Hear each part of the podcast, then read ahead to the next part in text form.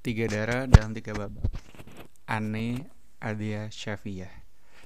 Kisah cerpen ini ditulis oleh Dimas Multazam dan dibacakan oleh penulisnya sendiri.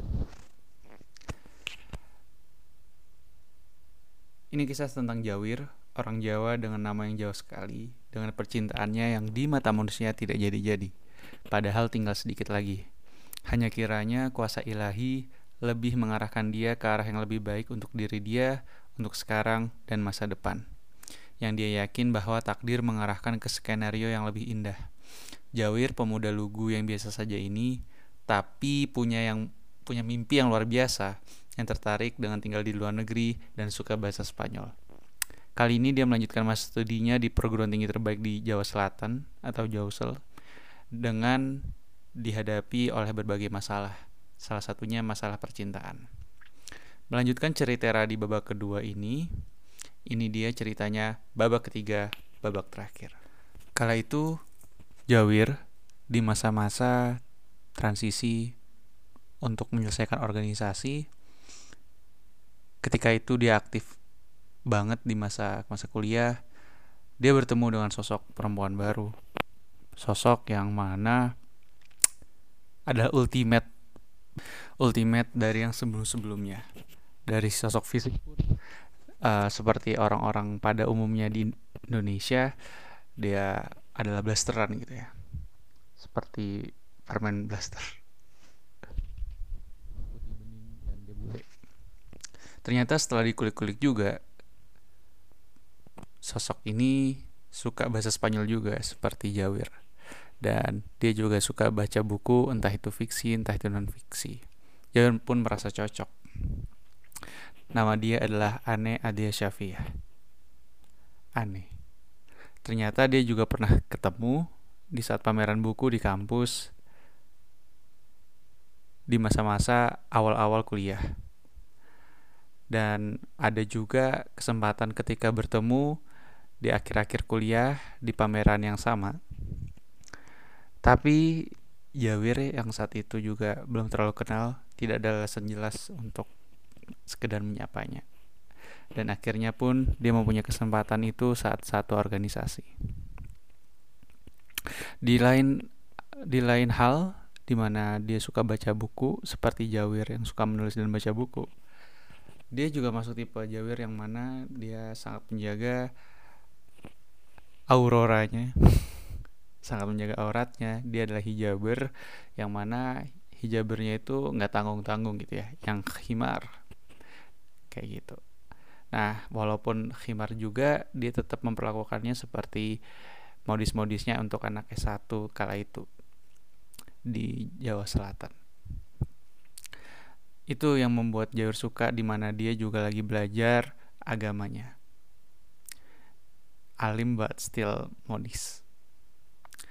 Adalah kesempatan di saat organisasi Jawir berkesempatan project bareng beberapa proker dikerjakan bersama dan akhirnya Jawir pun mengenal cara berpikirnya aneh ini yang mana sangat mind blowing bagi Jawir karena dia baru bertemu dengan sosok yang seperti itu yang mendobrak pandangan pandangan-pandangan culture-culture dari organisasi yang sedang dilakukannya, organisasi kampus.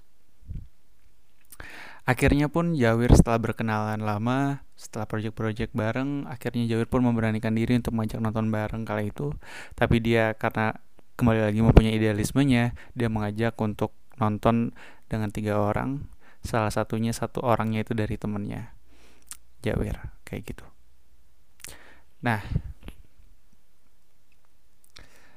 tujuannya ya maunya bertiga supaya nggak berdua.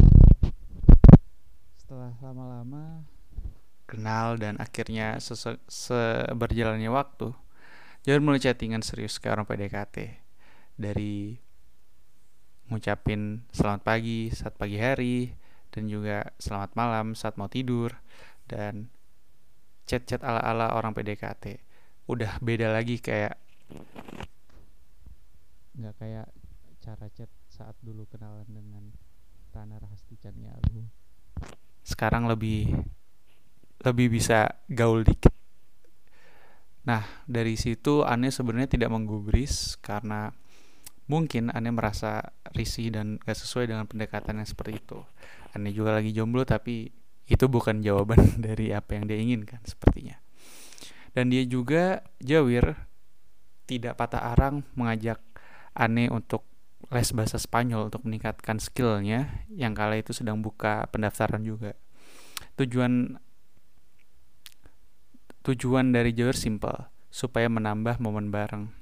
Tapi ternyata ketika ditawari oleh Jawir, aneh menolaknya. Bukan karena nggak mau, tapi karena nggak bisa. Atas beberapa hal. Yang mana itu sedikit mengecewakan Jawir tapi tidak apa-apa karena masih ada satu satu infrastruktur bersama yaitu dengan organisasi setelah lama-lama akhirnya Jawir pun berpikir bagaimana kalau aku begini?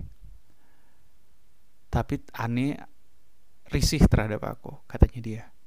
Dan Jawir mempertimbangkan juga kalau misalkan dia begini terus takutnya ini mengganggu jalannya organisasi. Padahal di organisasi semua orang dituntut bisa profesional Jawir pun melangkah mundur dan beranggapan bahwa ya udah ntar aja buat deketinnya. Kalau udah selesai periodenya ini. Pendapat dia seperti itu yang mana ini justru kenyataannya benar-benar melangkah ke belakang.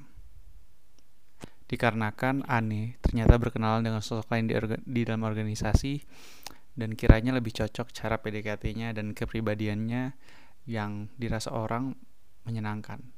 Walaupun jujur oleh Jawir juga merasakan seperti itu. Oh, kala itu Jawir pun merasa bahwa mungkin itu yang dicari atau tipe dari seorang aneh.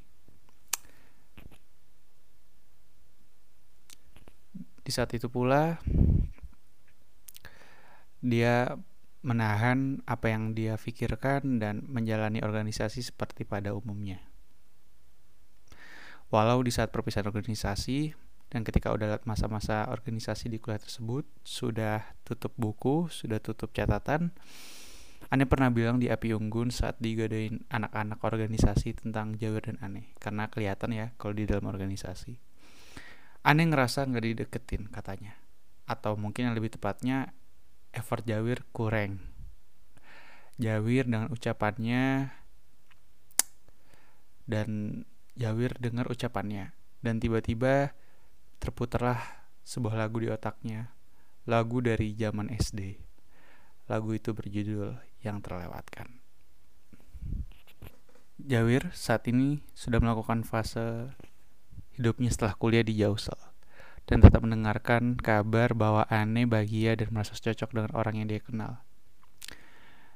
Dia berdoa dalam hati, semoga suatu saat nanti Jawir dipertemukan dengan yang cocok dan sama-sama mempunyai pandangan yang sama akan hidup dan setelah masa hidup. Terima kasih sudah mendengarkan tiga rangkaian cerpen ini. Cerpen babak ketiga ini adalah penutup dari tema 13 Days of Dawn yang akan dilanjutkan oleh quotes-quotes harian bagi teman-teman.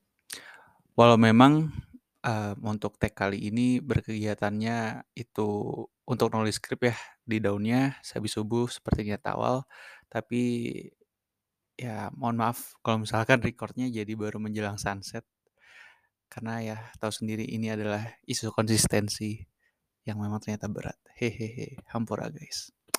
Oke, jangan lupa untuk terus dengerin PODM di platform kesayangan kamu, entah itu di Spotify, Noise, Apple Podcast, dan platform-platform lainnya. Ambil yang baik dan buang yang buruk dalam cerpen-cerpen ini dan yang mungkin sebelum-sebelumnya juga. Jangan lupa follow Spotify dan subscribe untuk nulisnya ya. And see you later at the next episode. Bye-bye.